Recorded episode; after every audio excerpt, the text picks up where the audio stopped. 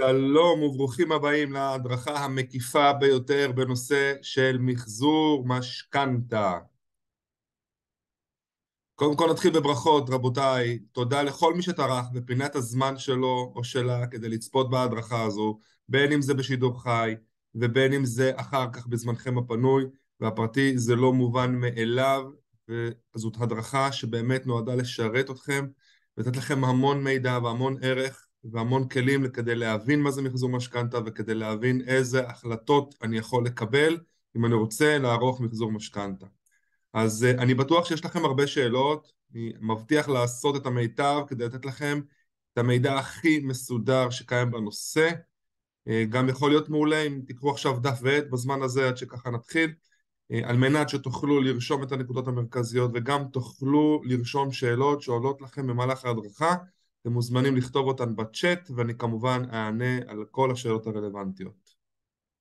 מעט עליי, שמי אריאל אחון, אני יועץ משכנתאות ופיננסים ותיק, אני נשוי פלוס שתיים ויש לי עוד כמה חיות, כלבות, חתול, אני חבר בהתאחדות יועצי המשכנתאות תקופה מאוד ארוכה, יש לי נוכחות מאוד מסיבית ברשת, וזאת באמת במטרה כדי לתת לכם את כל המידע, להנגיש את כל המידע שקשור במשכנתאות בצורה נורא נורא נורא פשוטה. בעברי, אז אני בוגר תארים ראשון ושני באוניברסיטה, הייתי תשע שנים בצבא, עסקתי בהייטק, ניהלתי פרויקטים, תחתי מערכות מידע, תפקיד האחרון לפני מספר שנים רבות כבר, היה בבנק דיסקונט במשך מספר שנים. קצת על הייעוד שלנו, שזה נורא התחבר לכל מה שאנחנו נדבר עליו כאן עכשיו אה, תכף בהדרכה. אז הייעוד הוא לעזור לכמה שיותר משקי בית בישראל לקבל את המימון המתאים והזול ביותר עבור העסקה המשמעותית ביותר בחייהם. רבותיי, הייעוד שלנו הוא, הוא תופס אתכם בכל נקודת זמן בחיים, בין אם זה כשנרכש הנכס, בין אם זה היום במחזורי משכנתאות, בשיפור עמדות, או בהורדת החזרים חודשיים, יכול להיות אחר כך באיחוד הלוואות, בשיפור דיור, בכל אירוע חיים שאתם נדרשים בו אה, לעשות אה, חושבים מבחינת כל מה שקשור במימון, אנחנו שם, זה הייעוד שלנו. מה הערכים המובילים שלנו? והופכים את החיים של הלקוחות שלנו לטובים יותר, בדיוק מטרת ההדרכה הזו. מצוינות, מתן המענה המתאים ביותר לצורכי הלקוח, אתם ממש תראו את זה תכף, אילו סוגים של מענים יכולים להיות. אנחנו מחויבים לתהליך, אנחנו דוגלים במקצוענות ללא פשרות, ואנחנו דוגלים בשירות יוצא דופן. יאללה, צוללים. על מה אנחנו נשוחח היום? אז אנחנו נשוחח על מה זה מחזור משכנתה, מה יניע אותנו לעשות את זה, אילו תוצאות אנחנו יכולים לקבל, איך אנחנו מורידים את ההחזר החודשי במשכנתאות, איך אנחנו יכולים לחסוך בסך הכל עלות המשכנתה. נדבר קצת על מחזור בבנק פנימי אל מול מחזור חיצוני לבנק אחר, מחזור מחוץ בנקאי לבנק, עמלות פירעון ועוד כל מיני נתונים נוספים. באמת כדי לעטוף ולתת ממש מענה של 360 מעלות למה זה מחזור משכנתה פעם אחת כמו שצריך. אז מה זה בכלל מחזור משכנתה? בואו נתחיל בדבר הכי פשוט. כל שינוי שאותו נעשה במשכנתה הקיימת, די פשוט, הגדרה נורא נורא נורא פשוטה מצידנו. לדוגמה, שינוי ההלוואה הקיימת והתאמתה למצב ההלוואה כיום, מהבחינות של יכולת החזר, שווי הנכס, אחוז המימון, מצב הריביות בשוק, יכול לבוא למעשה לידי ביטוי, אנחנו כמובן נצלול לזה, בכל מיני אופנים. למשל, הזרמת כסף למשכנתה, קיבלתי איזשהו סכום כסף, אני רוצה להזרים אותו למשכנתה. יכול להיות שאנחנו רוצים לערוך שינוי במסלולים, להאריך אותם, לקצר אותם, שוב כל מקרה לגופו, אין פה תשובה נכונה. אנחנו יכולים להוריד או להגדיל את ההחזר החודשי, שוב בכל מיני אפשרויות שונות, אנחנו גם יכולים במקום אחר לבוא ולבקש הגדלה של המשכנתה, בבנק שלנו, בבנק אחר, בגוף פיננסי אחר. כלומר, כל הדברים האלה בסוף נכנסים לקטגוריה שזה מחזור משכנתה. עכשיו בואו נצלול פנימה. אז קודם כל, מה יניע אותנו, חברים, לבצע מחזור של המשכנתה? במילים אחרות, מה יניע אותנו לבוא ולערוך שינוי כלשהו במשכנתה הקיימת שלנו? אז קודם כל נדבר על שינויים שתלויים בנו. למשל, הדברים השכיחים ביותר, ההכנסות שלי גדלו או שההכנסות שלי קטנו, אוקיי? זה אירוע שאני יכול, אני צריך להתאים את המשכנתה. אירועי חיים, נכנס סכום כסף, אוקיי? כל דבר כזה, למשל, נולד ילד, אוקיי? אירועי חיים. אה, מצד שני, כרגע אחד מבני הזוג לא עובד תקופה. כל דבר כזה יכול להשפיע על, על הרצון שלנו לגעת במשכנתה. כמובן, כמו שאמרתי קודם, נכנס איזשהו סכום כסף, אנחנו שוקלים להזרים אותו למשכנתה וכולי. יש לנו קושי כלכלי. כרגע אנחנו בכלל נמצאים בתקופה אה, מאוד מאוד מאוד מורכבת ברמת המדינה, ברמת המשק, והרבה מאוד אנשים, ההכנסות שלהם ירדו, או שירדו בצורה קיצונית, או שההכנסות לא ירדו, אבל שאר הדברים, שאר עלויות המחיה מאוד עלו, ולכן יש לנו איזשהו קושי כלכלי, ובו אנחנו רוצים להוריד החזרים חודשיים. למשל, אנחנו רוצים אה, לבצע איחוד הלוואות, אנחנו רוצים לקבל תוספת למשכנתה לכל מיני סיבות. כל מיני שינויים שקרו ברגולציה, דברים שאנחנו זוכרים יחסית, יחסית מהתקופה הלא מאוד ארוכה, הסרת מגבלת הפריים, ולמיטיבי לכת, ההורדה של EMI, מה שהיה כבר לפני הרבה שנים, שאפשר היה להגיע גם ל-90 אחוזים, משכנתה משווי הנכס. אז אנחנו כמובן רוצים לבצע בין היתר התאמת המשכנתה למצב הנוכחי, כי יכול להיות שאחוזי המימון שלנו ישתנו, יכול להיות שסביבת הריבית במשק היא שונה, אוקיי? ואנחנו כל הזמן רוצים לבצע את ההתאמות הנכונות למשכנתה, ויכול להיות שגם הציעו לנו לבדוק והסכמנו, ופתאום גילינו שאנחנו יכולים לעשות משהו יותר טוב ממה שיש היום. כלומר, יש המון טריגרים שיכולים להניע אותנו בסופו של תהליך לבצע מחזור של המשכנתה. חלקם פנימיים, חלקם חיצוניים, חלקם כי אמרו לנו, אבל בסופו של דבר אנחנו מחליטים שהנה אנחנו נוגעים במשכנתה הקיימת. מה התוצאות של המחזור של המשכנתה? אז קודם כל יכול להיות שאנחנו נוריד את ההחזרים החודשיים, כי ההחזרים החודשיים קשים לנו, כמו שאמרתי קודם. זה מאוד מאוד מאוד מאפיין, רבותיי, את התגופה הנוכחית.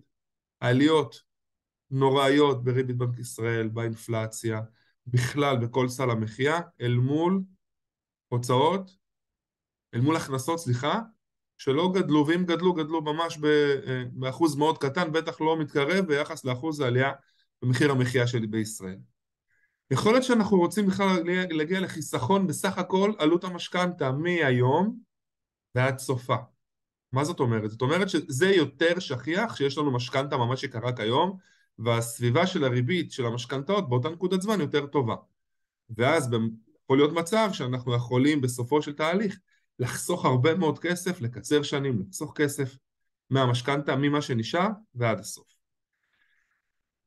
יכול להיות שאנחנו, בגלל שאנחנו ניגע, אז אנחנו דווקא נייקר את המשכנתה בטווח הארוך, אבל ניתן מענה לטווח המיידי, משהו שמאוד מאפיין בעצם תוצאה של הורדת ההחזרים החודשיים, משהו שמאפיין מאוד את התקופה הנוכחית. ויכול להיות שאנחנו כתוצאה מכך או נקצר או נאריך את השנים שנשארו לנו לתשלום המשכנתה. כל דבר פה בעצם רבותיי זה סיבה ותוצאה, אני כבר מראש אומר אין ולא תהיה תשובה אחת נכונה לכל מה שאני הולך לומר בהמשך המצגת, אנחנו בסופו של דבר צריכים לתת את המענה למה שכרגע חשוב לנו, חשוב לנו לעכשיו, חשוב לנו לטווח הבינוני וחשוב לנו בטח לטווח הארוך. אבל תזכרו, וזאת כל המהות בעצם של מחזור משכנתה. מחזור משכנתה זה אומר שאני יכול בכל נקודת זמן, אגב אני אתייחס לזה גם בהמשך, לבוא ולגעת במשכנתה. לצדד אותה ימינה, לצדד אותה שמאלה, ולהתאים אותה למה שקורה אצלי בחיים היום. לאו דווקא למה שיקרה בעוד עשרים שנה. אנחנו חיים היום בציפייה למה שיקרה בעתיד, אבל אנחנו לא חיים בעתיד. בואו נצלול עכשיו ממש ממש פנימה חברים. בואו נתחיל לדבר במה שכרגע הכי שכיח בתקופה הזו. הורדת ההחזר החודשי, כי ההחזרים החודשיים הנוכחיים קשים לנו. אז אני כבר בא ואומר שלרוב, אין מאה אחוז, אבל ברוב המקרים זה יגרור אחריו פגיעה במשכנתה הקיימת. משל הביצה והתרנגולת. מה חשוב לי, העכשיו או העתיד? אוקיי? Okay? אבל אנחנו צריכים לדעת שאם אנחנו ברוב המקרים נערוך מחזור משכנתה כרגע ולצורך העניין נוריד את ההחזרים החודשיים בצורה יחסית אה, גדולה, זה ישפיע. במה זה ישפיע? בואו נסתכל. קודם כל הערכת תקופות. לעיתים למקסימום תקופה מחדש, יכול להיות שאני כבר כמה שנים משלם משכנתה, בואו נגיד שאני משלם 6 שנים משכנתה, לקחתי ל-30, אני כבר משלם 6 שנים. בגדול, שוב, רק לשם הדוגמה, נותרו לי 24 שנים. אחד מהכלים שיש לנו זה להאריך בין היתר לתקופה מחדש, למקסימום אפילו. אז עכשיו אני חוזר לשלם ל-30 שנה. אז זה דבר אחד שיכול לקרות. אנחנו נחזור כנראה לתשלום הריבית כמרכיב גדול יותר בהחזר החודשי. בעצם מה שקורה שכמעט כל המשכנתאות בישראל, ובכלל כמעט כל ההלוואות בישראל, אמ, שיטת ההחזר שלה זה לוח סילוקין מסוג שפיצר. לוח סילוקין מסוג שפיצר מלכתחילה מניח, וזה לא קשור למשכנתה כזאת או הלוואה אחרת, אלא באופן גורף, שהחלק היחסי של הריבית בשנים הראשונות הוא גבוה יותר מהחלק של הקרן. זאת אומרת שאנחנו כן יכולים להתקל במצב שאני כבר משלם כמה שנים והמשכנתה לא באמת ירדה. יש לזה עוד כמה מאפיינים, אבל ברמת העיקרון זה אחד מהמאפיינים. אז יכול להיות שעכשיו הגעתי למצב שכבר שילמתי יותר ריבית ואני מתחיל לשלם קצת יותר ממרכיב הקרן, ומצד שני אני עוד פעם מעריך את זה לתקופה מקסימלית ולכן אני קצת מאבד עוד פעם את החלק הזה, זה חלק מהעניין של לייקר את המשכנתה לטווח הארוך, אבל אני נותן מענה לעכשיו, שזה לפעמים לא פחות חשוב. יכול להיות שאנחנו נצטרך לבחור במחזור הזה לטובת הורדת ההחזר החודשי במסלולים שהם יותר ברירת מחדל. שימו לב שאת הדברים האלה אני תמיד שם במרכאות. שמצד אחד מה שמאפיין אותם זה שהם בריביות יותר נמוכות ביחס למסלולים אחרים שהם יותר סולידיים, יותר יציבים, אבל גם יותר יקרים. זאת, זאת כדי שיתמכו בהורדת ההחזרים החודשיים, חברים. שוב, אין מתנות חינם. כשאנחנו לוקחים משכנתה בהרכב מסלולים שהוא נחשב יותר סולידי, יותר יציב לטווח הארוך, או גם לטווח המיידי, הבנק מלכתחילה מתמחר את המסלולים האלה בריבית יותר יקרה, ואילו מסלולים שהם יותר זולים, בגדול, המסלולים שהם צמודים למדד או למטח, אז הם נחשבים יותר זולים, יותר זולים בהתחלה. אם אנחנו נסתכל על זה בטווח של 20-30 שנה, הם בטח שמאוד יקרים ברוב המקרים. שוב, תלוי בעוד כל מיני נסיבות נוספות, אבל בגדול. אז יכול להיות שאנחנו נצטרך להקריב, עכשיו כן אני אשתמש במרכאות האלה, מסלולים שהם יותר טובים או שהם יותר זולים בטווח הארוך כדי, לה, כדי להוזיל כרגע, אוקיי, את המשכנתה. ושוב אני חוזר חלילה למה שאמרתי קודם. אנחנו כרגע מגיבים למצב שהוא נכון לנו להיום, יכול להיות שבעוד כמה שנים, בעזרת השם, נוכל עוד פעם למחזר, ועוד פעם למחזר, ועוד פעם למחזר. מחזור, אני גם מתייחס לזה, זה לא סוף העולם, זה לא חתונה קתול. אנחנו יכולים לעשות את זה כמה פעמים. רצוי שנעשה את זה כמה פעמים, גם אם היינו צריכים להוריד את ההחזרים החודשיים, וגם אם מצבנו היה טוב יותר. ודווקא עשינו שיפור במשכנתה, זה לא אומר שזה שיפור לכל החיים. אז, אז סך הכל, הנה, הנה הסיכום בעצם של השקף הזה, של המצב הכל כך מורכב הזה מבחינתנו, שבהרבה מקרים סך הכל עלות המשכנתה היא מתייקרת לנו בטווח הארוך. יכול להיות שאפילו משמעותית, אבל, אבל אני, אני רוצה ככה להתמקד בזה שוב. זה לא אומר שהתחתנו במשכנתה הזאת. גם אם עכשיו אני אסתכל ואני אגיד, רגע, אבל בשלושים שנה זו משכנתה מאוד יקרה, נכון שזה רשום שזה לשלושים שנה, אנחנו לא נתמקד בזה באמת לשלושים שנה, אנחנו נעשה את זה מה שנקרא אינטרוולים קצרים יותר, וככל שנוכל למחזר את המשכנתה בעתיד עוד כמה פעמים, אנחנו נזכה בעצם לשפר עמדות ולקצר את המשכנתה מחדש שוב. זו השאלה הכי קריטית, חברים? וזה מסכם את האירוע. מה יותר חשוב או בוער לנו, כאן ועכשיו, אוקיי, אתן תכף דוגמה, או העתיד. זאת אומרת, אם יש מישהו שאומר, תשמע, ההחזר החודשי שלי עלה ב-1200 שקלים, מה שקורה, מאוד שכיח בתקופה הזו. ואנחנו יכולים לצמצם את ההחזרים האלה לכמה מאות שקלים בודדות, שוב, בגלל שהכל עלה. אז האם זה מה שכרגע הכי חשוב לך? כי אם אתה אומר, תשמע, הדבר הזה זה החוגים של הילדים, זה עוד קניות בסופר, זה עוד אה, לשלם ביטוחים, זה עוד דלק, זה עוד, זה עוד צריכה שלנו בבית, אז כן, יכול להיות שזה מה שצריך לעשות כרגע. הכאן ועכשיו יותר חשוב מהעתיד. העתיד מאוד חשוב, אבל אם אנחנו עכשיו לא נשרוד, אז מה, מה, מה האלטרנטיבה? לקרוס בדרך? להיכנס לקושי? אה, להגיע למתח מאוד גדול בבית, ולפעמים הכמה מאות שקלים האלה זה יכול להיות הבדל מאוד עצום למשפחה, למשק בית, אוקיי? יש אנשים מהצד השני של המתרס שאומרים, תשמע, המשכנתה עלתה לי בעוד אלף שקלים, בעוד אלף מאתיים שקלים, אבל אני מעדיף לא לגעת בזה, כי אני יודע שבעוד שנה, שנתיים, שלוש הדברים יירגעו, ופלוס מינוס, אה, פלוס מינוס, אנחנו מניחים שיתאזן, אולי לא למה שהיה פעם, אבל למשהו סביר. ולכן אנחנו מעדיפים כרגע לא לגעת, לא לעשות כלום. זאת גם תשובה נכונה. זו שאלה של לדעת את המידע, לדעת את הידע הנכון, את המספרים, להבין את המספרים, ולקבל עבורם החלטה מושכלת. עכשיו בואו נדבר על המצב השני, שהוא יותר אופטימי, יותר כיפי. שהוא גם שכיח ומאפיין, וזה קשור לאירועי חיים, וזה קרוב, זה, זה, זה, זה יכול לפגוש כל אחד מאיתנו בעצם באיזשהו שלב בחיים. אז חיסכון בסך הכל עלות המשכנתה מהיום ועד סופה. למה אני תמיד מדגיש מהיום ועד סופה? משום שמה ששולם, שולם. בין אם שולם הרבה, בין אם שולם מעט, בין אם הקרן ירדה הרבה, בין אם הקרן ירדה מעט, אין לנו, אין לנו יכולת להשפיע על העבר, אנחנו יכולים להסתכל מהיום ואילך. לכן המיקוד, לכן אני שם את זה ממש, אני רושם את זה. אז איך זה יעשה, החיסכון הזה? יש לנו בעצם שתי שיטות על, שתי שיטות מרכזיות, וביניהן כמובן יש הרבה מאוד תוכן. אז קודם כל יכול להיות, ש... יכול להיות שאנחנו נזרים כסף למשכנתה, אוקיי? כלומר, תכף אנחנו נדבר על זה. קיבלנו איזה שהם כספים וכדומה, נרצה להזרים כסף למשכנתה. הדבר השני, יכול להיות שבכלל אנחנו לא צריכים להזרים כסף למשכנתה, שאנחנו סך הכל נרצה להתאים את המשכנתה למצב הנוכחי בשוק ולמצב הנוכחי שלנו, תכף אפרוט את זה. מה אנחנו נרוויח? אנחנו נרוויח קודם כל הורדת העלות הכוללת של המשכנתה, וזה נדבך מאוד חשוב. אם אנחנו מה שנקרא נעשה זה, מה שיש לי היום אל מול מה שיהיה לי בעתיד, זה מול זה, באותה סימולציה, באותן הנחות יסוד, אוקיי? אנחנו נעשה השוואה, נגלה שעל ידי פעולת המחזור שעשינו, הן על ידי הזרמת כספים והן על ידי התאמת המשכנתה למצב הנוכחי בשוק, אז אנחנו נחסוך לפעמים הרבה מאוד כסף בעלות הכוללת, וכנראה שגם כתוצאה מכך אנחנו נקצר שנים לתשלום המשכנתה, אני לא אומר 100% ב-100% מהמקרים, אני אומר שזו תוצאה, תוצאת לוואי מאוד כיפית, אוקיי? שבהרבה מאוד מקרים ניתנת ליישום. אני כן uh, מדגיש פה בסוגריים חברים, כל מקרה הוא לגופו, מאפייני תקופה של ריבית נמוכה בשוק אל מול ריביות גבוהות במשכנתה הקיימת ולהפך, כלומר אין פה תשובה חד משמעית, יכול להיות שבחלק מהמקרים נצליח יותר, בחלק מהמקרים נצליח פחות, בסופו של דבר אני תמיד חוזר לשאלת הערך ללקוח. ואגב, אני גם אדבר על זה תכף עוד מעט, באותו החזר חודשי, לפעמים אנחנו, כלומר, יכולים להשאיר את ההחזר החודשי, לפעמים אנחנו יכולים להעלות את ההחזר החודשי כי יש לנו הכנסה פנויה גדולה יותר, ולפעמים אפילו, זה קטע כזה מגניב, שאנחנו יכולים לשפר את העמדות האלה ואפילו להוריד את ההחזר החודשי. יש כל מיני אפשרויות. שוב, תלוי בעיקר מה מצב השוק, מה מאפייני התקופה של הריבית ועוד כל מיני נתונים נוספים. אז בואו נתחיל בהזרמת כסף למשכנתה.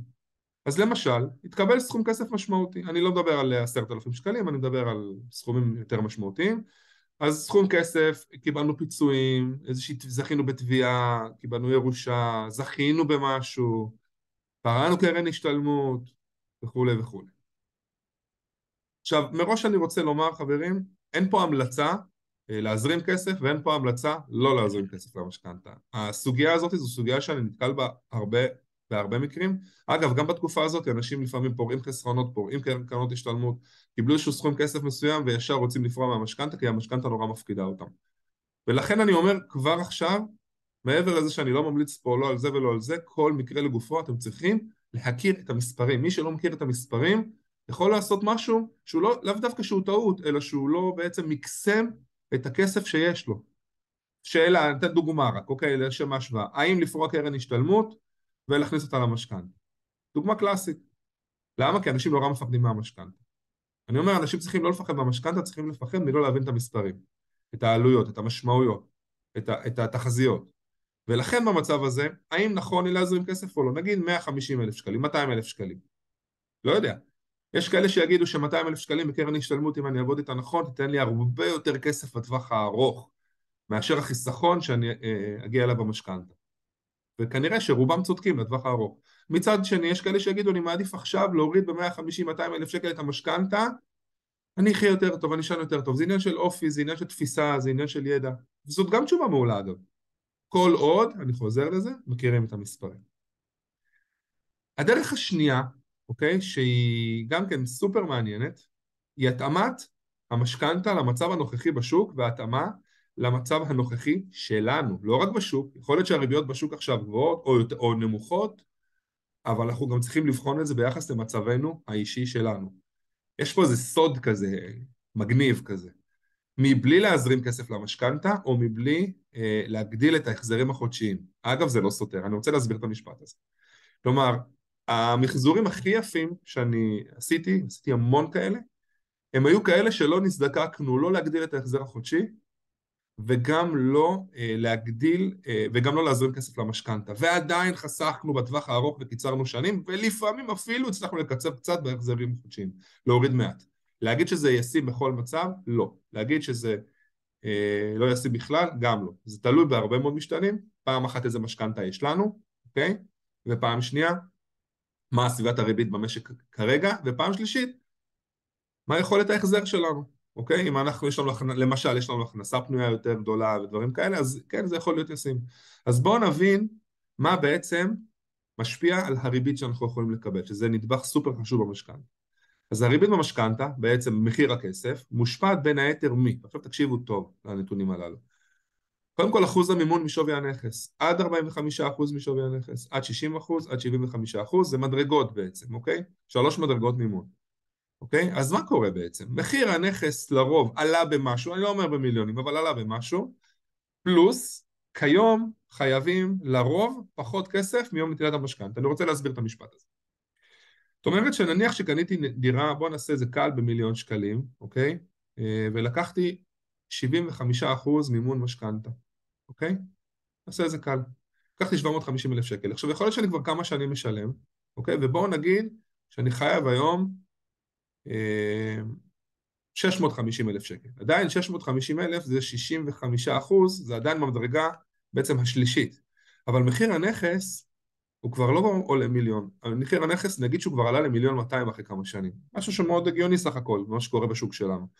ופתאום אנחנו מוצאים את עצמנו, רגע, רגע, אז, אז פתאום זה, זה כבר לא 750, זה 650 אלף, אבל לא ממיליון, ממיליון 200. אז אנחנו כבר בקבוצת בעצם מימון שהיא יותר נמוכה, עד 60 אחוזי מימון, אוקיי? ואז מה שקורה, שזה נדבך מאוד מאוד חשוב באיך הבנק מתמחר את מחיר הכסף, מה, איך הבנק נותן לי ריביות, אוקיי? כמובן ביחס לריביות שקיימות באותה תקופה. אז שימו לב, משהו שקרה בעצם מכוח, מכוח הזמן, אחוז המימון שלי ירד. א', כי שווי הנכס כנראה עלה במשהו, שוב לא תמיד, אבל כנראה עלה במשהו, וכנראה אני גם חייב פחות כסף. אגב, יש מקרים שאנחנו מוצאים את עצמנו אחרי כמה שנים חייבים יותר כסף לבנק, זה נובע מכל מיני סיבות. קודם כל יכול להיות שיהיו מסלולים שהם צמודי מדד וככה, בשכיחות מאוד גבוהה במשכנתה, יכול להיות שהקפאנו את המשכנתה, יכול להיות שהריביות שקיבלתי בהתחלה היו מאוד גבוהות ולכן לא ממש התקדמתי, יכולות להיות הרבה מאוד סיבות. אבל אני לוקח מצב שהוא מאוד שכיח. הדבר השני שציינתי באמת, אני אחזור על זה, זו הריבית הנוכחית בשוק, אל מול הריבית שעליה חתמנו בזמנו. יכול להיות שלמשל, קח דוגמה, היום הריביות מאוד גבוהות יחסית, ובעוד שנתיים שלוש הריביות יהיו יותר נמוכות, אז בעוד שנתיים שלוש יכול להיות, יכול מאוד להיות שיהיה מאוד מאוד כדאי למחזר משכנתאות שניטלו היום. ולהפך, משכנתאות שניטלו לפני כמה שנים, עד לפני תקופה לא, לא כזאת ארוכה, היה מאוד מאוד כדאי כמעט תמיד למחזר אותן. עוד דבר זה יחס החזר או הכנסה פנויה, דיברנו על זה קודם. בהרבה מקרים, ההכנסה במשק הבית גדלה עם השנים, אוקיי?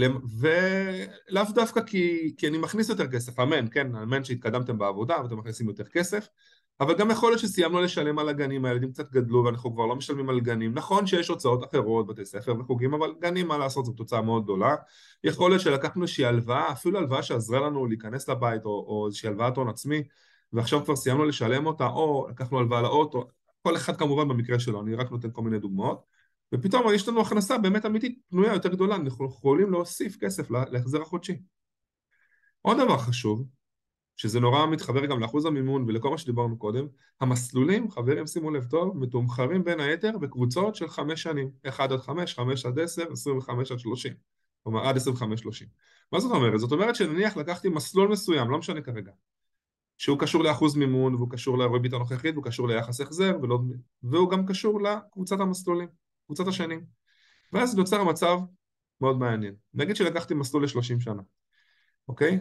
אז כשקיבלתי את המשכנתא, תמחרו לי אותו בעצם התמחור הפנימי הכי גדול, למה? כי זה בעצם לתקופה הכי ארוכה, אז התמחור הפנימי של אותו מסלול הוא בעצם היה יותר יקר מאשר למשל אם הייתי לוקח אותו ל-25 שנה, לקבוצה השנייה, השנייה מהסוף של 20 עד 25.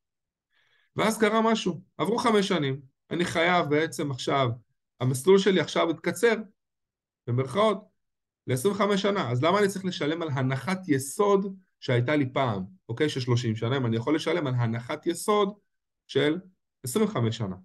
כמובן שאף אחד לא יבוא להגיד לנו את זה, אוקיי? אבל שימו לב לזה, ואני לא מדבר פה על תחנות יציאה, לא להתבלבל עם זה, אני לא מדבר פה על, על, על אירועים כאלה של, שיש תחנת יציאה כל חמש שנים, פחות הדיון כרגע, לא, לא בחלק הזה של המצג. ועוד משהו, הרכב המסלולים שהתאים לנו בעבר, אוקיי? יכול להיות שהיום דורש תיקוף מחדש. כי אז לקחנו, למשל היינו זוג צעיר ויותר בתחילת הדרך עם ילדים קטנים, ולקחנו משהו שהוא יותר ברירת מחדל, אוקיי? עם הרבה הצמדות למדד וכולי, והיום אנחנו יכולים באמת לשנות את הרכב המסלולים, לאפשר לעצמנו מסלולים אולי קצת יותר יקרים, שהם יותר סולידיים, אבל הם הרבה יותר יציבים וכדומה. ויש פה גם עניינים של רגולציה, פתאום השתנה משהו. לחיוב, לשלילה, הסרת מגבלת הפריים, אני לא אומר היא טובה, לא טובה, זה כבר דיון אחר, זה פילוסופיה אחרת, אבל זו למשל חסם בירוקרטי שירד, ומי שלקח, לקח, מי שלא לקח, לא לקח. בתקופה הנוכחית מי שלקח כנראה בוכה, אבל uh, זה שינוי ברגולציה, כלומר, ואנחנו חיים את, ה, את העולם הזה, ויכול להיות שמחר בבוקר עוד פעם יש שינוי אחר ברגולציה. ואז לאורך השנים, כדי לסכם לכם את זה, קרה משהו שהוא קורה באופן טבעי, שזה דבר מופלא. שווי הנכס עלה, סך הכל החוב לבנק ירד, מה שאמרנו קודם, ירדנו בקבוצת השנים של המסלולים, נגיד ב, לקבוצה של חמש שנים למטה, למשל, כל זה מבחינתי שווה התאמות, וכתוצאה מההתאמות שאנחנו נעשה, שווה חיסכון, כמו שאמרנו קודם, חיסכון הן בהחזרים החודשיים לפעמים, בעיקר בעלות הכוללת ובמשך השנים. ורבותיי, אני רוצה להגיד לכם שמשכנתה שמנוהלת בצורה תקינה, יכול להיות שהתחילה ב-30 שנה, אין סיבה, ואני חותם לכם על זה, לא לסיים אותה ב-20 שנה או ב-18 שנה, מבלי להוסיף שקל למשכנתה לאורך החיים שלה ומבלי להעלות בשקל את ההחזר החודשי. כלומר באופן יזום, רק מכוח זה שעשיתם מספר פעמים מחזור משכנתה אה, במהלך חיי המשכנתה. זה אחד המסרים הכי חשובים שיש לי במצגת, זה המסר הזה. ואז בואו נסכם את זה. המנטרה הכי הכי הכי חשובה מבחינתי בעולם מחזור המשכנתאות. משכנתה, חברים, אינה חתונה קתולית, נורא התאמצתי למצוא לכם תמונה שמשקפת חתונה קתולית. משכנתה, חברים, צריך לנהל לאורך השנים. ההמלצה שלי היא בדיקה לכל המאוחר כל שלוש שנים. דהיינו, כל שנתיים שלוש לערוך בדיקה. מי שעובד איתי, כמובן, אני אפילו פונה אליו, ובואו נעשה בדיקה כרגע, ובואו נראה מה המצב שלכם. לפעמים כדאי, לפעמים לא כדאי, אבל, לא, אבל הכי כדאי זה לא לשכוח שכדאי. ואני רוצה לתת לכם איזשהו משפט כזה אה, מעניין. מיצוי זכויות במשכנתה קראתי לזה. זה זהה למיצוי הזכויות בביטוח הלאומי. אם לא תדרשו, לא תקבלו את מה שמגיע לכם. הבנק לא ידפוק לנו בדלת להציע לנו שיפור. אני אתן דווקא דוגמה מביטוח לאומי. נניח שבן אדם לא עלינו עבר תאונה, או עבר איזשהו אירוע, וכרגע הוא זכאי באמת לנכות, הוא סובל מנכות כלשהי. לא משנה כרגע איזו. ובואו נגיד שכל הסביבה שלו יודעת, שרואה שיש לו נכות. זה לא איזושהי נכות שלא רואים אותה, רואים אותה, וקשה לו, והוא לא הולך טוב, והוא לא ככה, והוא לא ככה. הביטוח הלאומי לא יבוא, ידפוק לו בדלת, שמע נשמה, אנחנו יודעים שעברת תאונה, בוא, בוא תתקדם אצלנו, בוא. בוא תבקש מה שנקרא, תגיש תביעה לנכות. אם אתה לא תלך ותגיש תביעה לנכות בביטוח הלאומי, הם בטח שלא יבואו להציע לך את זה מטעמם. אותו כנ"ל, סליחה על הדוגמה, שוב, כן, חלילה, אה, אבל, אבל זו דוגמה שהיא משקפת. אם אתם לא תדרשו את הזכויות שלכם, לא תמצו את הזכויות שלכם, אף אחד לא יעשה את זה בשבילכם. לכן זאת אחריות שלנו כמשקי בית, כל הזמן להיות בקשב עם המשכנתה, כל שנתיים, כל שלוש, אה, ולפעמים אתם פשוט תופתעו ברמה, ברמה היסטרית. אז בואו נדבר, חברים, אז קודם כל על מחזור פנימי בבנק, אל מול מעבר מלא או חלקי לבנק או גורם אחר. קודם כל אני רוצה לומר שאני מתייחס למילה מעבר אה, לבנק או לגורם אחר, כי שימו לב שהיום משכנתאות ניתן לקבל לא רק בבנקים, יש שם חברות ביטוח, יש קרנות מימון, שיודעות לתת משכנתאות גם לתקופות שאפילו יותר, גדול, יותר גבוהות ויותר ארוכות מהבנקים, 25, 30, 35, 40 שנה. אה, כלומר, אז, אז שימו לב לזה, אבל, אבל בגדול אנחנו מדברים על אותה מתודה, על אותו רעיון. אז קודם כל מחזור פנימי. יש מצבים שבהם אנחנו לא נצטרך לעבור לבנק אחר, כי יכול להיות שלא כדאי לנו או לא נוח לנו, כל אחד מסיבותיו הוא, לעבור לבנק אחר. אז אנחנו יכולים להשלים את הפעולה בצורה הרבה יותר פרקטית בתוך הבנק שלנו. אז המחזור הפנימי בעצם זה אומר שאני, כמו שאמרנו, מבצע את זה בתוך הבנק או בתוך גורם הנוכחי מול מחלקת המחזורים ברוב המקרים, תהליכים שהיום הם מאוד השתכללו בשוק שלנו. עוד דבר שזה גורם לנו חיסכון אדיר בזמן, וככל שאין תוספת לסכום, או שבעצם אין הגדלה של ההחזר החודשי, חברים, זה לא דורש את מלוא הניירת הפיננסית, את כל התהליך הארוך, בהרבה מאוד מקרים אפילו לא צריך לגעת בשעבודים, לא בטאבו, לא במנהל, כי אנחנו בעצם לא מגדילים, לא מגדילים החזרים, לא נוגעים בשום דבר, זאת אומרת שהבנק סך הכל מחתים אותנו על uh, הלוואה חדשה, על רענון של ההלוואה הקיימת, וזהו, ונגמר הסיפור. וגם לרוב זה לא דורש שינוי בביטוח החיים ובמבנה. המבנה עוד ניחא, השינויים בביטוח החיים הם יכולים להיות מורכבים. מדוע? משום שאם לקחתי את המשכנתה לפני כמה שנים, והיום אני כבר יותר מבוגר, אז הפרמיה שלי היום תתחיל מחדש, היא יותר יקרה, ויכול להיות שחלילה יש לי איזה שהם מצבים בריאותיים שלא היו לי בעבר, והיום זה יכול מאוד להקשות עליי בקבלת ביטוח חיים או בעלות על ביטוח של החיים. בואו נדבר על מצב אחר של מעבר מלא לבנק אחר, או מעבר מלא למסגרת אשראי חוץ-בנקאית. אז קודם כל ישנה בירוקרטיה שצריך לקחת בחשבון. הסכמות לדרגה שנייה והחלפה לדרגה ראשונה, שחרור שיטרות משכון וכדומה. אוקיי? אמ, זה תהליך ארוך יותר, אפילו משמעותית. אגב, יש ממש חקיקה שכבר מדברים עליה, ייקח עוד זמן עד שהיא תיכנס לתוקף, ובטח צפויים בה הרבה מאוד שינויים עד שהיא באמת נוכל לראות את הפירות שלה, אבל בעתיד זה יהיה תהליך שיהיה הרבה יותר מהיר וקל. כיום אני לא יכול להתייחס למשהו שיהיה בעתיד, כי זה משהו מאוד מאוד ראשוני כרגע. אז קחו בחשבון שאם אנחנו רוצים להעביר את המשכנתה הנוכחית שלנו במלואה, או בחלקה אפילו, אבל בעיקר במלואה, לבנק אחר או לחברת מימון חוץ-בנקאית אחרת, שזה שכיח, כן? אין פה עוד פעם עניין של טוב לא טוב. זה, החלטנו שזה מה שצריך לעשות, זה מה שעושים, אז זה תהליך שיש לו בירוקרטיה. אפילו בירוקרטיה יחסית ארוכה.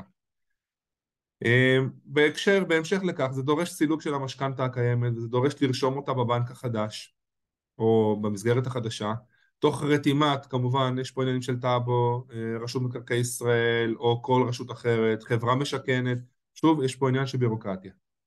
עכשיו, צריך לשים לב לעוד משהו. בהרבה מאוד מקרים, נניח ואנחנו עושים את זה מבנק לבנק, אז צריך לראות שאין שינוי מהריביות שחתמנו עליהן, כי התוקף של הריביות הוא בגדול 24 ימים, נכון ליום צילום ההדרכה הזאת, ובהרבה מאוד מקרים המשכנתאות, לא, המחזורים האלה לא מסתיימים ב-24 ימים, ואז פתאום הבנק אומר, לא, נכון שחתמת על המשכנתה, אבל עלויות גיוס הכסף, המרווחים שלי בעצם עלו, אוקיי? ולכן אותו המשכנתה עכשיו תהיה יותר יקרה מאשר חתמת עליה, וזה קורה.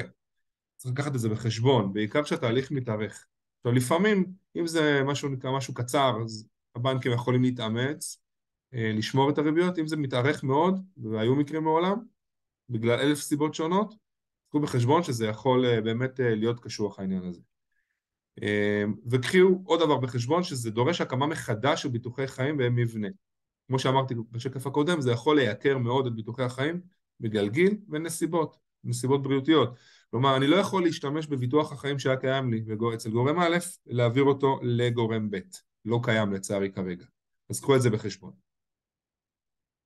יש עוד uh, בעצם uh, מוצר ביניים, פתרון ביניים, שזה מעבר חלקי לבנק אחר או לחוץ בנקאי. בעצם, שזה יכול לבוא או על ידי פיצול המשכנתה הקיימת שלי, או על ידי הגדלת המשכנתה, לא דווקא בבנק הנוכחי. אז בעצם זה דומה, חברים, למעבר מלא לבנק אחר, רק שכאן אנחנו למעשה מעבירים חלק מהמשכנתה הקיימת לבנק אחר, או שאנחנו מראש לוקחים איזשהו נתח חדש במקום אחר, לא בבנק הנוכחי. כן, זה ישים, כן, ממש בתקופה האחרונה זה נפתח, ואני אתן לכם דוגמה, למשל ניקח את רכיב הפריים, שכרגע הוא נחשב מאוד יקר, אמ, והרבה מאוד אנשים כן ממחזרים אותו. שוב, טוב, לא טוב, אני לא נכנס לזה, זו פילוסופיה שלמה, זה לבד דורש הדרכה. אה, אבל נגיד כבר החלטנו לעשות את זה, משהו שכרגע מאוד שכיח, ויכול להיות שקיבלתי הצעה מהבנק שלי, והבנק שלי נתן לי הצעה שלא הייתה מספיק אטרקטיבית, או שאני רוצה לבדוק תחרות, אז במצב הזה מה שאני יכול לעשות זה בעצם להעביר, למחזר את אותו רכיב ספציפי, את אותו מסלול, את אותה יתרה, לבנק אחר או לחברה אחרת, ויש מצבים שבהם אני רוצה בכלל להגדיל את המשכנתה, אבל הבנק כבר לא יכול לתת לי את התוספת הזאת, ולכן אני נאלץ לעשות את זה בבנק אחר או בגורם אחר. עוד פעם, זו סוגיה אחרת שונה לגמרי, אז גם כן, בעצם נקרא לזה תחת הקטגוריה של מעבר חלקי לבנק אחר או לחוץ בנקאי. אז גם פה, זה מאוד דומה, מבחינת צריך פה עניין של הסכמות, יש פה אה, בירוקרטיה, לא, זה לוקח זמן, זה לא קורה בן לילה. צריך לקחת בחשבון שהסכום של המעבר הזה, אוקיי, בין אם זה תוספת או בין אם זה מחזור של משכנתה קיימת, יהיה נמוך יותר מאשר במשכנתה הנוכחית שלנו. ועוד דבר, כמו שאמרתי בשקף הקודם, זה דורש ביטוח חיים נפרד לסכום הממוחזר או לסכום הנוסף. בכל מקרה, אנחנו נצטרך לפצל את ביטוח החיים, להקים מחדש, ושוב, על החלק היחסי הזה יכול להיות, חברים, שזה ייקר לנו את האירוע הזה. אז קחו את זה בחשבון.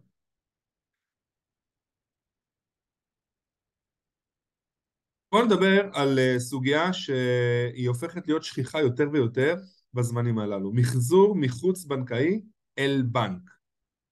שימו לב טוב, מחזור מחוץ בנקאי, יש לי משכנתה היום במסגרת חוץ בנקאית ואני רוצה למחזר אותה חזרה לבנק. אז זה שכיח במצב שבו נלקחה הלוואה בחברות מימון חוץ בנקאיות שהיו יותר גמישות בזמנו מאשר בבנק, גמישות בעיקר ב, ב, ב, ביכולת בכלל לתת את האשראי, לתת את ההלוואה, לפעמים בריביות, מכל מיני סיבות. קלאסי למישהו למשל שעבר איזושהי, הייתה לו איזושהי בעיה פיננסית ולקח משכנתה חוץ בנקאית והיום התייצב, דוח אשראי יותר תקין, הכנסות תקינות והיום אפשר לעבור לבנק. למשל, דוגמה מצוינת. או שלקחתי איזושהי תוספת בחוץ בנקאי שהבנק לא יכול היה לאשר בזמנו וכיום הריביות קצת יותר טובות ואני כן יכול לנסות להחזיר את זה לבנק. שוב, מיליון סיבות שונות. אז עתה אנחנו מעוניינים להעביר את היתרה אל הבנק למשכנתאות במצב שבו יהיה לנו כדאי יותר עבורנו. כמובן, כמו שאמרתי קודם, תנאים יותר טובים. אז יש לקחת בחשבון גם כאן את ממד הזמן ואת הנוקשות של הבנקים. בכוונה, אני מדגיש את המילה נוקשות. יש לשים לב במיוחד למצבים שבהם ההתנהלות הפיננסית בעבר הצריכה מחזור לחוץ בנקאי, ועתה אנחנו לאחר שיקום כלכלי. יכול להיות שהבנק שלי הוא ככה לא ממש אה, סופר אותי כבר, יש מצבים כאלה. זה דבר אחד. יכול להיות שאנחנו נצטרך להעביר את כל התיק אולי לבנק אחר, או חלק, לפצל את זה. אבל הבנק לא תמיד חייב להסכים אה, לקבל את הכסף הזה. ויש לשים לב שבחלק מהמקרים מדובר בהלוואות גישור קצובות בזמן שיש לפרוע אותן במלואן. מה זאת אומרת? זאת אומרת שיכול להיות שלקחתי הלוואה, נניח הייתה לי, איזשהו קושי כלכלי, לקחתי הלוואה של כמה מאות אלפי שקלים בחברת נימול חוץ בנקאית, ההלוואות האלה הן מוגדרות בזמן, זה בלון שמתפוצץ ונפרע, שנה, שנתיים, שלוש, כל אחד מה שהוא חתם עליו, אז יש לזה גם תוקף של זמן. ואם אני חוזר לסעיף הקודם של הנוקשות בעצם, אז הבנקים יבדקו אותי בציציות על המצב הכלכלי, על ההכנסות שלי, כי בחוץ בנקאי לפעמים אפשר לקבל כסף מבלי להוכיח יכולת החזר אמיתית או נוקשה בעצם כמו ברגולציה של הבנקים, ואילו הבנקים מאוד מאוד מאוד מקפידים, יש פה גם רגולציה וגם סיכון, גם ניהול סיכונים אחר, על, על זה שכן אני אה, אעמוד בכל התנאים. צריך לשים לב טוב טוב כשאנחנו רוצים לבצע את הפעולה הזאת. בואו נדבר קצת חברים על עמלות פירעון מוקדם. אז עמלות פירעון מוקדם יכולות להיות בעיקר במסלולים שבריבית קבועה או משתנה. עכשיו זה קבועה, צמודה או לא צמודה, באותו כנ"ל משתנה צמודה או משתנה לא צמודה, אין פה קשר להצמדות. אז בריביות הקבועות, שימו לב איך, איך הדבר הזה בעצם עובד. מתי יש לנו עמלת פירעון מוקדם? אני מראש אומר כך, אני אלך לסוף. העמלות לא ניתנות לחיזוי מראש, אך כמובן ככל שניתן עדיף לתכנן משכנתאות שתואמות את מצבנו חברים. סביבת ריבית נוכחית במשק, יכולת החזר נוכחית, כספים שאמורים להתקבל בוודאות, בבקשה אל תהרגו שום דודה ושום סבתא מראש, אוקיי? אני אומר את זה בצחוק. אני צופה עלייה ברמת ההכנסה, למשל אני היום אה, לומד אה, איזשהו מקצוע ככה מאוד אה, נחשב, אני כרגע בסטאז', אני כרגע בהתחלה, עוד כמה שנים אני אקבל את, אני אקבל את ההתמחות, אני אהיה שותף, אוקיי, אני יודע בוודאות שההכנסה שלי, ככל שבעזרת השם נהיה בריאים ושלמים, ההכנסה שלי תגדל, אפילו תגדל בצורה משמעותית. אוקיי? אבל מה אנחנו כן צריכים לדעת? שבעצם איך מחושבת עמלת הפירעון בגדול? על הפרשי ריביות. בוא נגיד שהיום קיבלתי מסלול בריבית קבועה לא צמודה בחמישה אחוז ובעוד שנה הריבית הקבועה לא צמודה תהיה ארבעה אחוזים, אנחנו לא יודעים לחשב את זה מראש. המחשב של הבנק מחשב את זה בנקודת הפירעון. הוא יודע את הריבית שאני חתמתי עליה והוא יודע את ההפרש של הריבית כרגע. אוקיי, אז אם ההפרש של הריביות הוא לטובתכם, כלומר הריבית במשק היום בשוק הממוצעת נמוכה יותר, אז הבנק יגיד לכם על, על ההפרש הזה, נגיד אחוז אחד, אוקיי? לשם הדוגמה, כפול הסכום שנותר לסילוק, כפול משך הזמן שנותר עד לסיום המסלול, שימו לב. אז בריביות הקבועות, בגדול, בעיקר בריביות הקבועות לא צמודות, אם יש הפרש ריביות גדול ומשך ארוך וסכום גדול, זה יכול, יכולה להיות פה עמלת פירעון לא קטנה בכלל, צריך לקחת את זה בחשבון. בריביות הקבועות צמודות זה אותו דבר, הוא לפעמים קצת פחות, כי מלכתחילה סביבת הריבית שלהם היא יותר נמוכה. ההפרשים הם בדרך כלל יותר נמוכים, אבל שוב, קורה, קורה גם המסלולים האלה. בריביות המשתנות זה עובד קצת אחרת. אותו דבר, הפרש הריביות שדיברנו עליו קודם, כפול הסכום שנותר לסילוק, כפול משך הזמן שנותר עד לתחנת רענון הריבית, מה שאנחנו קוראים לו תחנת היציאה, שזה לא באמת תחנת יציאה, תחנת שינוי הריבית. אוקיי? אז, אז פה ההיתכנות במסלולים שבריביות משתנות לעמלת פירעון מוקדם, כך או כך, גם אם יש לי, הן הרבה יותר נמוכות בגלל המשך, והמכפלה של המשך פה היא עד סוף המסלול, ואילו המכפלה פה היא עד לתחנת רענון הריבית. ועכשיו אני רוצה לומר לכם אה, משהו ככה מאוד חשוב. חברים, הסוגיה של עמלת פירעון מוקדם היא משהו שנכון שמצד אחד לא ניתן לתכנן אותו, מצד שני צריך מה שנקרא לעשות הכנה למזגן, להכין את ההכנה הזאת. כלומר, זה אומר שאם אני שולט בנתונים, אני יודע שיש לי עסקה למשל שאני קונה נכס בשביל למכור אותו בשנים הקרובות, אם אני יודע בוודאות שאני אקבל סכום כסף, או שאני יודע בוודאות שיש לי נגיד קרן השתלמות שאני הולך לפרוע, או כל דבר אחר, אז כדאי מאוד לתכנן את המשכנתה הזאת עם הכנה לפירעון מוקדם כמה שיותר נמוך. ומצד שני, גישה אחרת אומרת, אם אני יודע שזה נכס שאני הולך לגור בו הרבה שנים, וכרגע הריביות טובות, נניח, ואני לא צריך לבנות משהו נקרא יותר מדי על המחזור העתידי, אז יכול להיות ששווה כבר לתכנן תוכנית ארוכת שנים, כי גם אם יהיו שינויים הם יהיו ממש ממש קטנים, ואני כבר מרוויח מה שנקרא את השקט הנפשי שלי מעכשיו. אז זה קצה אחד של המתרס, זה קצה אחר של המתרס, ושוב אני חוזר לתשובה שאני אומר כל הזמן, אין תשובה נכונה. יש פה עניין של תכנון, יש פה עניין של לנסות להבין מה ילד יום, אה, ולעשות הכי טוב שאנחנו יכולים בציפייה למה שהעתיד מביא איתו. דגשים כלליים חברים, אנחנו מתקרבים לסיום. אז קודם כל תזכרו שגם שזה מחזור ולא משנה באיזה קונסטלציה, כל, כל האפשרויות שדיברנו עליהן, פנימי, חיצוני, אה, הזרמת כסף, לא הזרמת כסף, כל האפשרויות, זה, זה משכנתה לכל דבר, בסוף, בכותרת. לכן ברוב המקרים, כך או כך, להוציא מקרים מסוימים, הלווה ייבחן בהתנהלות פיננסית, יכולת החזר, אחוז מימון משווי הנכס, ביצוע שמאות לפי הצורך, אוקיי? ביטוחי חיים וכדומה. ובגלל זה גם קחו בחשבון שתלוי בנסיבות, זה יכול לקחת זמן. אוקיי? אז צריך סבלנות. נכון שמצד אחד אמרתי שצריך כל כמה שנים באמת לבדוק, אני לא אמרתי, אני, אני מראש חשוב לי לומר, לאו דווקא זה יהיה מאוד מהיר, בחלק מהמקרים יותר, בחלק מהמקרים פחות, כמו זה משכנתה לכל דבר. אבל בסוף אנחנו צריכים להסתכל על השורה התחתונה. בשורה התחתונה זה יכול מאוד מאוד מאוד מאוד מאוד להיות שווה לנו. על התהליך, ואני מראש מדגיש חברים, יכול להשתנות כתלות בסוג המחזור שאותו אנחנו עורכים. אז קודם כל, כמו תמיד, בדיקת התכנות והתאמת המענה הנכון ביותר. חברים, אנחנו לא יוצאים לדרך לפני שאנחנו לא מבינים בדיוק מה אנחנו רוצים להשיג, איך אנחנו רוצים להשיג את זה, אוקיי? מה המטרות שלנו ומה הדרך הנכונה ביותר.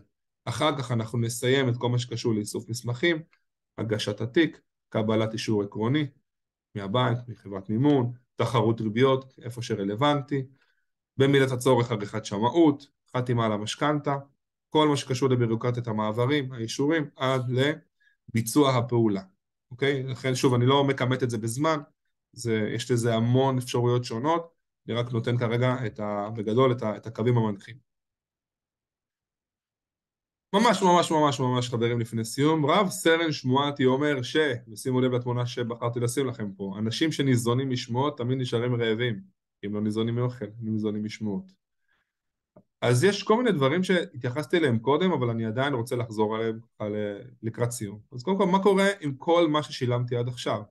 אז תראו, מה ששילמתי עד עכשיו, שילמתי עד עכשיו, חברים. אין לי דרך לגעת בזה או לתקן את זה. זה מה יש, אנחנו מסתכלים אך ורק קדימה. לפעמים, כן, אנחנו יכולים להיות קצת אה, מדוכדכים על זה ששילמנו הרבה מאוד שנים והקרן לא ירדה מספיק או לא ירדה בכלל, או אפילו הקרן עלתה, כל אחד במקרה שלו. אבל ה... אי אפשר להשיב לאחור את הגלגל. כלומר, מה שלקחתם, לקחתם. אין פה גם נימה הכי קטנה של ביקורת כלפי עבודה שנעשתה בעבר. לא משנה אם על ידיכם, על ידי מישהו אחר. כי אנחנו לא יודעים מה היו הנסיבות, מה היו הנחות היסוד באותה תקופה. אנחנו אומרים, היום זה מה שאנחנו יכולים לעשות. עוד שאלה, שקיבלתי כסף ואני רוצה להקטין איתו את המשכנתה. זה הכי נכון? גם פה חברים, ביצה ותרנגולת. שתי קצוות לסוגיה הזאת, וזו סוגיה שאני אשאל אותה המון, לא משנה באיזה תקופה של ריביות, גבוהות, נמוכות. יש כאלה שיגידו, תראה, עם 100 אלף שקל, עם 200 אלף שקל, בטווח הארוך, ב-20 שנה, אני יכול להרוויח פי כמה וכמה, להגדיל את ההון שלי, זה קצה אחד, זאת החלטה מעולה, אבל קחו בחשבון שהכסף לא נזיל. ברוב המקרים, שוב, אני לא אומר כמובן איזה השקעה לעשות. במצב אחר, אתם יכולים להגיד, את אותו, אותו כסף אני מוריד מהמשכנתה, אז אני יכול לקצר שנים, אני יכול לקצר כמובן עלויות, מה שדיברתי במהלך המצגת. ולכן במצב הזה, אה, זה גם כזה חיסכון אדיר. אם אנחנו שמים את זה מול זה, מי מנצח? עזבו את המספרים כרגע. אני לא רוצה שתקבלו החלטה חלילה על בסיס אה, מידע כזה. צריך לקחת ולערוך סימולציה, אני קורא לזה סימולציית האימפקט. מה בעצם אני מרוויח מהזרמת כסף למשכנתה, אל מול מה אני מרוויח מהשקעה של אותו כסף ולא להזרים כסף למשכנתה. אולי כן יש אפשרות לבצע מחזור וכולי, פנימי, חיצוני, אה, לשפר העמדות אם יש ריביות יותר טובות כרגע בשוק או תנאים יותר טובים באופן כללי למשכנתה שלי. אבל בסוף זה עניין של לעשות השפעה של א' מול ב', ומה שיקבע זה הפילוסופיה שלכם. אני אתן לכם את הנתונים, אתם תגידו, אוקיי, הבנתי, זה מול זה, תלכו תשנו על זה, ואז תקבלו החלטה, ותזכרו שכל החלטה היא החלטה נכונה, רק אחרי שקיבלתם אותה, אתם צריכים לשאול איתה. דיברתי על זה גם קודם, בבנק אמרו שקודם משלמים את הריביות ואחר כך את הקרן.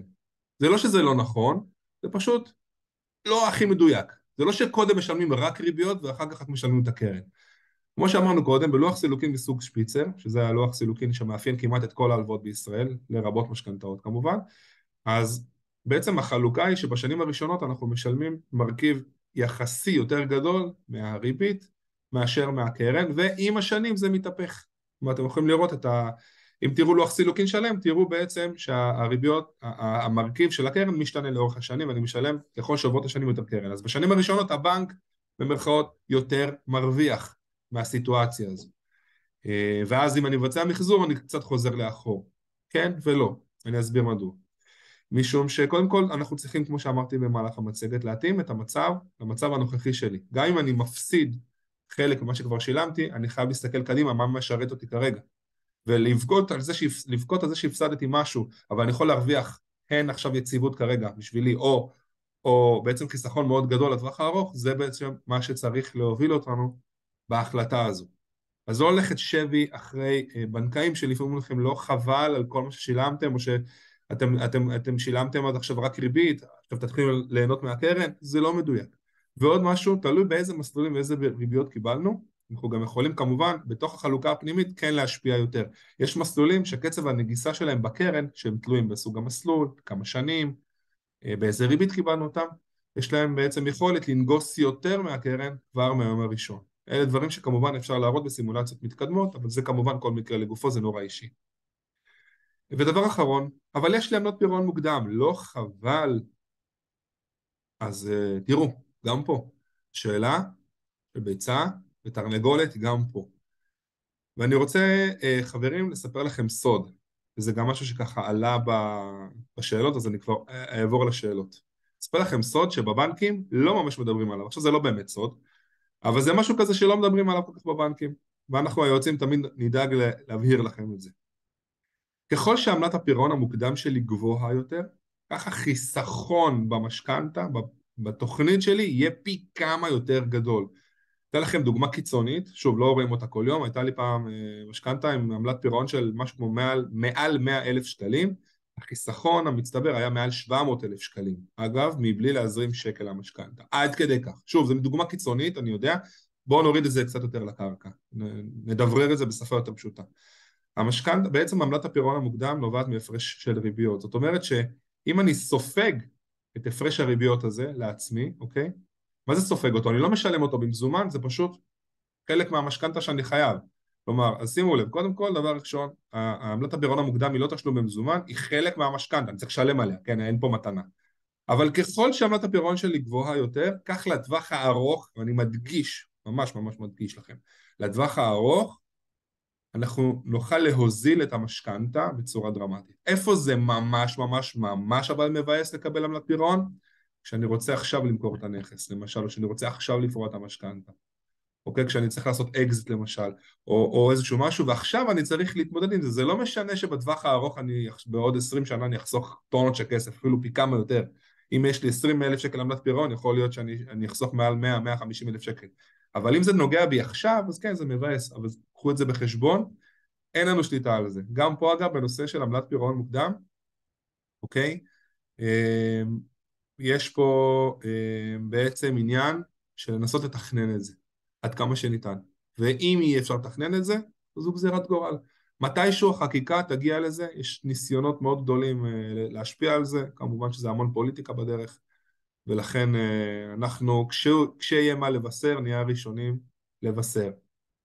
אמ, עוד דבר שככה עלה, כל הזמן אני מקבל טלפונים מכל מיני גורמים, לא יודע אם השארתי פרטים, לא השארתי פרטים, אה, תראו, אני לא יכול להשפיע על איך אנשים משווקים, בסדר? אבל אני כן יכול להגיד לכם, נכון שלפעמים זה מעצבן, אה, אבל תראו, לבדוק את המשכנתה הנוכחית, אמרנו, זה מבחינתי עניין מנדטורי, קריטי, כל שנתיים, שלוש לכל היותר, או אם אתם אפילו שומעים בחדשות, יש איזשהו שינוי ברגולציה, משהו כזה ואחר, אני יכול להגיד לכם שמי שעובד איתי, אני אה, עושה את זה עבורו כל הזמן, וכשיש הזדמנויות אנחנו באמת, אה, אני יוצר קשר, יתרה מכך, כל מי שעובד איתי גם אה, בתקופה שכזו בעצם, יש לנו שירות ממש של לשפר ולדייק את המשכנתאות איפה שזה עלה, באמת אה, אה, אנשים מאוד מאוד מרוצים מזה, משום שזה יכול עכשיו מאוד לעזור להם.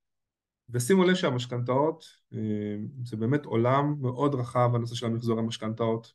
השתדלתי באמת אגב לשים פה את כל המידע הרלוונטי, לתמצת אותו, זה מאוד קשה, לדייק אותו בצורה נורא פשוטה וברורה, אבל באמת, ואני רוצה לחזור על מה שאמרתי קודם, אם אתם תעבדו נכון, גם משכנתה שהתחילה ב-30 שנה, מבלי להוסיף לה כסף, מבלי להוסיף להחזר החוץ של כסף, אתם יכולים לסיים אותה, באמת, אני לא מגזים, ב-20 שנה, ב-18 שנה, ולו מזה שתתעסקו עם מחזורים. נכון שלפעמים יש לזה בירוקרטיה, נכון שלפעמים יש לזה שהן עלויות מסוימות, אבל אם מסתכלים על מלוא התמונה, אתם יכולים לצאת מהדבר הזה, באמת חברים, ורק נזכרים, אני רק רוצה להסתכל אם יש עוד איזה שהן אה, שאלות, כן, הייתה פה עוד פעם שאלה שככה עלתה, אה, מבחינת זמנים, כן, זה יכול לקחת זמן, כמו שאמרתי קודם, אבל, אבל זו בירוקרטיה שתראו, כש, כשיועץ עושה אותה, זו רוב הבירוקרטיה נופלת על היועץ, אני לא אומר שלכם אין בירוקרטיה, ולפעמים צריך להשלים ניירת, ולפעמים צריך לרוץ לפה ולרוץ לשם ולרדוף קצת, אבל עוד פעם, בואו נסתכל על מלוא התמונה, אם אנחנו בשביל הקוטג', בשביל המילקי, בשביל אה, מוכנים לריב עם איזשהו נציג של חברה סלולרית בשביל איזה עשרה שקלים אה, חיסכון בקו טלפון, או מוכנים לריב עם חברות הכבלים למינימום, הלוויין, על 50 שקלים אה, הנחה, לקבל הטבה בתוכנית, אוקיי, שזה גם כסף, זה כסף חשוב, זה שוב דיון אחר. אז אנחנו לא נהיה מוכנים, חברים, לעשות את זה בשביל עצמנו, בשביל הדברים הבאמת הכי גדולים בחיים, אני כמובן מציע שנעשה את זה. אז חברים, אני רוצה להודות לכם מקרב לב, לכל מי שצפה בהדרכה הזו בשידור חי, לכל מי שכמובן צפה בהדרכה הזאת אה, אחר כך, לא משנה הזמן, לא משנה המקום, תודה שהקדשתם את הזמן להגיע עד לסוף ההדרכה, חלקכם אולי אה, אה, לא ראה עד הסוף, זה לא משנה, העיקר שהמסרים עוברים, אתם מבינים עכשיו הרבה יותר טוב מה זה מחזור משכנתה, מה אנחנו יכולים להרוויח מזה, כמובן, כמובן שכמובן מזמין אתכם אה, אם יש לכם כל שאלה שלא תהיה, אתם חושבים שאתם אה, באמת יכולים לשפר עמדות, אתם רוצים את הדבר הזה, בואו, צרו איתי קשר, יש לכם פה את הטלפון שלי, אתם יכולים להיכנס לאתר ולהשאיר פרטים גם דרך האתר, דרך הטלפון, יש נוכחות מאוד גדולה, כמו שאמרתי בהתחלה, אה, ברשתות החברתיות, בפייסבוק, בטיק טוק, באינסטגרם, איפה שרק רוצים, מוזמנים גם להיכנס, להתרשם, לפנות משם, אנחנו נעזור לכם לקבל את המשכנתה ולמחזר לכם את המשכנתה ולהתאים אותה למצב הטוב ביותר עבורכם. אז שוב חברים, תודה רבה, אנחנו פה לרשותכם.